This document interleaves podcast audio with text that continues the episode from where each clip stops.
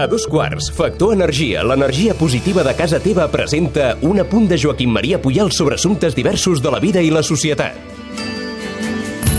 Bon dia, audiència. Avui és dimecres 5 de juny.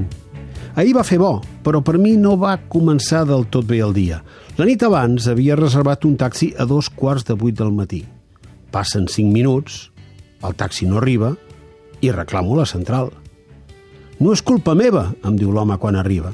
Em va recordar els pilots d'avió quan et diuen que sortim tard perquè l'aparell no ha arribat a l'hora, com si no fossin ells mateixos.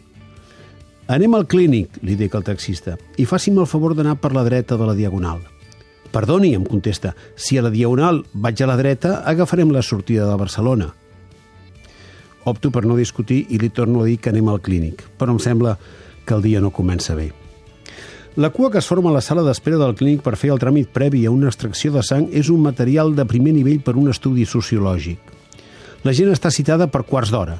Una pantalla indica el grup del quart d'hora que ha de passar en cada moment. Però com que hi ha persones que arriben abans i d'altres que arriben tard, es munten situacions de tota mena. Des de la màxima solidaritat i cortesia fins a retrets i petites discussions.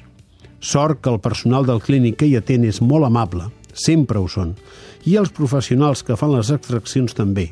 Dóna gust anar-hi. Surto de l'hospital i acompanyo una persona que té hora la unitat del dolor.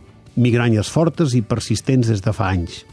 L'especialista es mira totes les proves que li han fet amb atenció, fa algunes preguntes. Es nota que s'hi pren interès. Al final diu, tot està bé, rep el tractament adequat. Em quedo de pedra. Com pot dir això? Segurament vol dir que el que li han dit que faci és el que diuen els manuals que s'ha de fer. Però ni està bé ni rep un tractament efectiu. Si fos així, li haurien tret la migranya. Un auxiliar que li dona una ampolleta que s'ha d'omplir per fer una prova comenta que el tap és groc i que hauria de ser taronja, però que ell ja ho ha escrit en una etiqueta. L'agafo i la miro. El text diu no hi ha taronja. Com si, en lloc de parlar del color del tap, fóssim a una fruiteria. Això em fa pensar que encara no he pres el meu suc d'avui i me'n vaig esmorzar al 193 de Còrsega. El dia comença a arreglar-se, l'entrepà és bo. Fullejo els diaris. A totes les portades, Trump. Ell, Melania, la reina d'Anglaterra, el príncep Carles, Camila, ara amb Pamela i vestit de dia, ara de gala per anar a sopar entre cortinatges, quadres i bifíters. Semblen fotografies fetes en un museu de cera, o imatges tretes d'una pel·lícula, o potser millor, d'una comèdia. Mentre vaig al despatx escolto que la Mònica comenta que el fiscal del Suprem està presentant el quinto elemento fàctico de l'acusació. El quinto elemento fàctico? Realment, la llengua dona per molt. Tenim reunió a les 11. La gent hi arriba tard, com el taxi. I quan comencem ens passem 10 minuts parlant de la nova samarreta del Barça. Com que acabem aviat i fa bon dia, me'n vaig a caminar per Collserola. Passejada molt agradable. El dia s'ha arreglat del tot. Abans de tornar al despatx vaig a la meva llibreria a buscar un llibre que vull regalar. Evasions, d'Eva Piqué, amb il·lustracions d'Eva Armisen. Un llibre ben editat, delicat i deliciós.